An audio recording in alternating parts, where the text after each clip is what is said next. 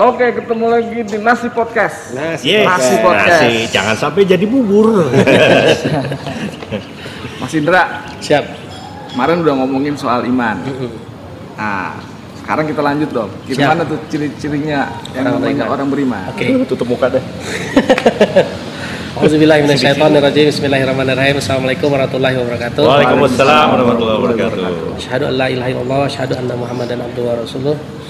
Allahumma shalli ala Muhammad wa ala alihi washabihi wasallam. Ya, terima kasih banyak. Kita memang nggak bisa kita memang cuma baru tahu nih teorinya iman sebagai pondasi.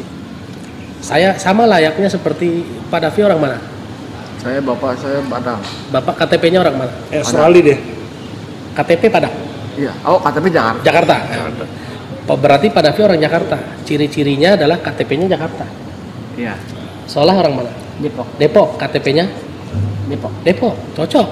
Nggak mungkin dia ngaku saya orang Jakarta. Begitu dilihat KTP-nya Depok. Nggak bohong berarti dia. Iya. Iya kan? Nah begitu juga Bapak beriman nggak? Coba ciri-cirinya apa? Ayo, itu masalahnya. Ya, Iya itu dia, berat kan? Berat kan? Semua ada ciri-cirinya Pak. Dan Al-Quran secara definitif menjelaskan itu semua. Makanya yang pertama di episode pertama kita jelaskan bahwa Al-Quran menjelaskan segala sesuatu. Jangan pernah ngaku Islam kalau syarat-syarat ciri-ciri sebagai orang Islam kita nggak ada di diri kita. Jangan ngaku orang Jakarta kalau KTP-nya Bogor. Hmm. Jangan ngaku fansnya MU kalau ditanya MU pemainnya siapa aja nggak tahu, benar ya Iya, Pak? betul, betul. Iya kan? Kurang lebih begitulah ilustrasi. Oke, ayat tentang iman ini banyak sekali. Yang paling terkenal, bukan yang paling terkenal, maksud saya yang paling, Sering dipakai. ya yang paling pas banget dengan ciri-ciri orang beriman ini adalah Al-Anfal ayat 2. Sesungguhnya orang beriman itu jika disebut nama Allah bergetar hatinya. Itu udah pakai iman, Pak. Satu dulu. Bergetar hatinya. Ingat dulu, ingat dulu. Begitu takutnya kita sama sidang skripsi, Pak. Begitu nama kita dipanggil, gemeteran gak, Pak? Iya. Waduh, mana kita bukan, mana bukan kita yang kerjain? ya kan? Gua ketahuan dong. Apalagi kalau bukan kita yang kerjain, Pak, udah mules banget gitu loh. Begitu nama, nama kita dipanggil, waduh, mana gitu. Nah itu harus ada Pak di dalam hati kita. Kalau memang aku orang beriman, begitu dipanggil nama Allah, nggak ada rasa. Belum, belum. Iya, berarti belum nyampe di standarnya Allah, bukan standarnya manusia. Hmm. Gitu. Dulu waktu kita masih zaman jahiliyah, masih pacaran, masih apa, begitu nama pacar kita disebut, ada geter nggak pak? Uh, pacar gue bro, gitu kan? Untung udah lupa. Iya, ya kan? Ini zaman jahiliyah, sekarang Oh, nggak iya. boleh lagi pacaran kan? Tapi ilustrasinya kurang lebih begitu, bukan disamakan ya, enggak, enggak. Ini cuma mohon mohon pengertiannya, bukan disamakan seperti itu. Ya, jangan sampai dipotong iman sama kayak gitu deh, enggak begitu nih, ya kan? Saya bilang untuk mem- Ini cuma memudahkan aja supaya kita di kepala ini masuk. Soalnya susah, begitu nama Allah di- di- disebutkan kita bergetar. Karena belum ketemu kan, gimana rasanya. Tapi orang-orang yang sudah sampai di level tersebut, begitu disebut nama Allah, selesai dia. Dosa saya banyak. Gimana kalau Allah panggil saya sekarang? Wow, takutnya luar biasa. Waduh, saya skripsi belum mengerti. Kalau dia nanya ini gimana caranya? Kan kurang lebih gitu kan, Pak? Ya kurang lebih ya. Tapi ini ini ilustrasi ya. Ciri-ciri pertama adalah orang jika disebut nama Allah bergetar hatinya. Jika disebut tanda-tanda kebesaran Allah, makin kuat keyakinannya, keimanannya. Maksudnya gimana? Nah, itu dia. Kalau pertama disebut nama Allah dia bergetar, begitu disebut tanda-tanda ke- kebesaran Allah, keyakinannya dia terhadap keimanan kepada Allah ini makin mantap. Misalnya kita tidur malam hari, begitu pagi kita melek, alhamdulillah masih bisa lihat matahari. Matahari itu tanda-tanda kebesaran Allah. Allah bilang dalam penciptaan langit dan bumi, dalam pergantian siang dan malam, itu ada tanda-tanda kebesaranku. Jadi begitu kita lihat matahari ini, siapa yang bisa bikin kayak gini? Orang sepinter apa pun paling hebat bikin lampu, Pak. Dan lampu ada masa waktunya. Nah, sekarang tuh matahari dari tahun berapa coba? Nggak, nggak pernah ganti, nggak pernah koslet, Pak. Ayo, siapa yang mampu bikin begitu? Ya kan? Nah ini salah satu tanda. Ngelihat temen kemarin ada yang nonton MotoGP, Hmm. ya kan? Ada kecelakaan tuh siapa Morbidelli apa siapa tuh? Nah, tiba-tiba Rossi lewat depannya. lewat depannya dia. Siapa yang bikin dia Nggak kena. nggak kena gitu loh. kalau bu kalau memang dia hebat banget belum tentu pak. Iya. Belum tentu karena kehebatannya dia. Karena memang waktunya dia belum selesai.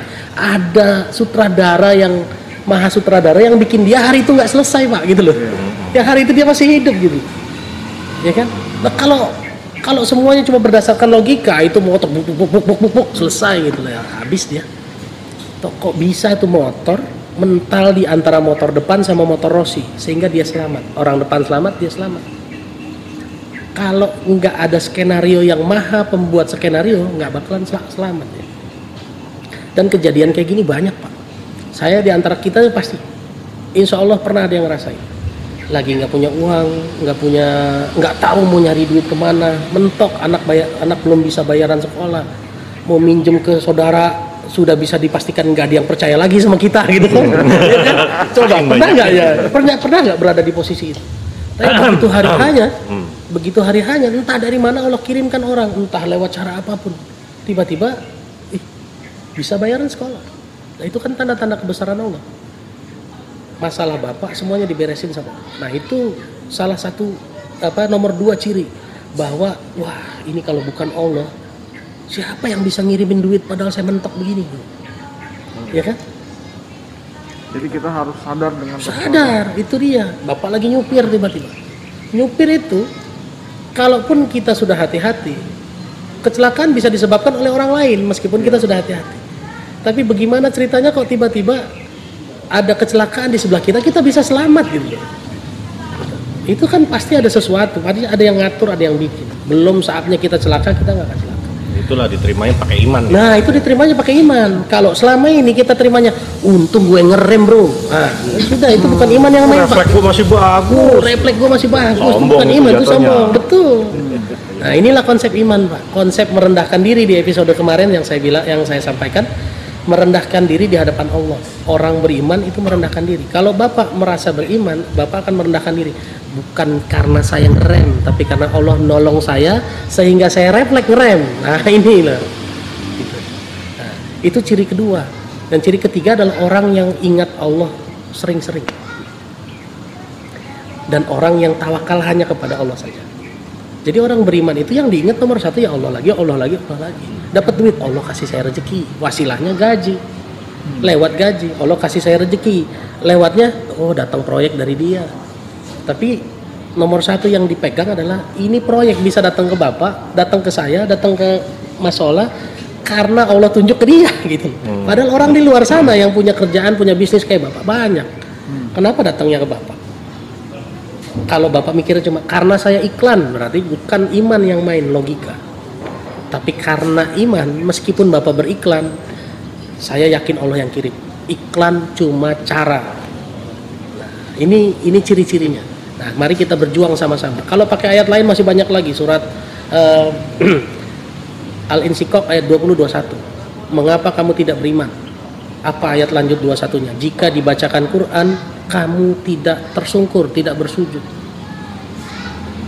Jadi orang beriman tuh kalau begitu men- mendapat tanda-tanda kebesaran Allah, dibacakan ayat-ayat Quran, langsung kita turun ya Allah nih Quran nih. Saya harus diam dulu nih, hormat.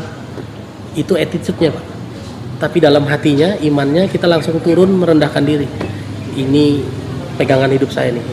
Ya kan? Ini yang dibacakan pegangan hidup saya. Makanya ada ada ada ayat yang bilang kalau dibacakan ayat Quran maka diam dan dengarkan agar kamu mendapat rahmat. Surat Al-A'raf ayat 204 gitu. Tanda kita punya iman. Wah, ini pegangan hidup. Sama dong kayak Google Map, Pak. Iya. Begitu Bapak jalan ke satu tempat, begitu Google Map-nya ditutup sama anak kita karena dia mau main game kan kita jangan ditutup dulu. Nanti nyasar gitu loh. Google Map. Google Map ya kan. Begitu juga dengan Al-Quran Pak. Begitu Quran dibacakan ya kita stop dulu. Nah ini ini jalan hidup saya yang bikin saya selamat ini.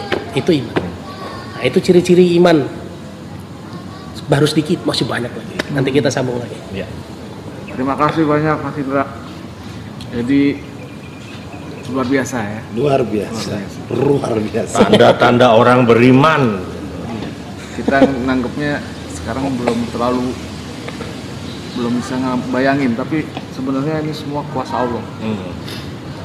Oke, mungkin, Eh, mungkin sementara sementara cukup dulu kita Indra, yang teman-teman sekarang sekalian. lanjut lagi. Terima kasih. Episode berikutnya. Assalamualaikum warahmatullahi wabarakatuh. Waalaikumsalam Waalaikumsalam. warahmatullahi wabarakatuh.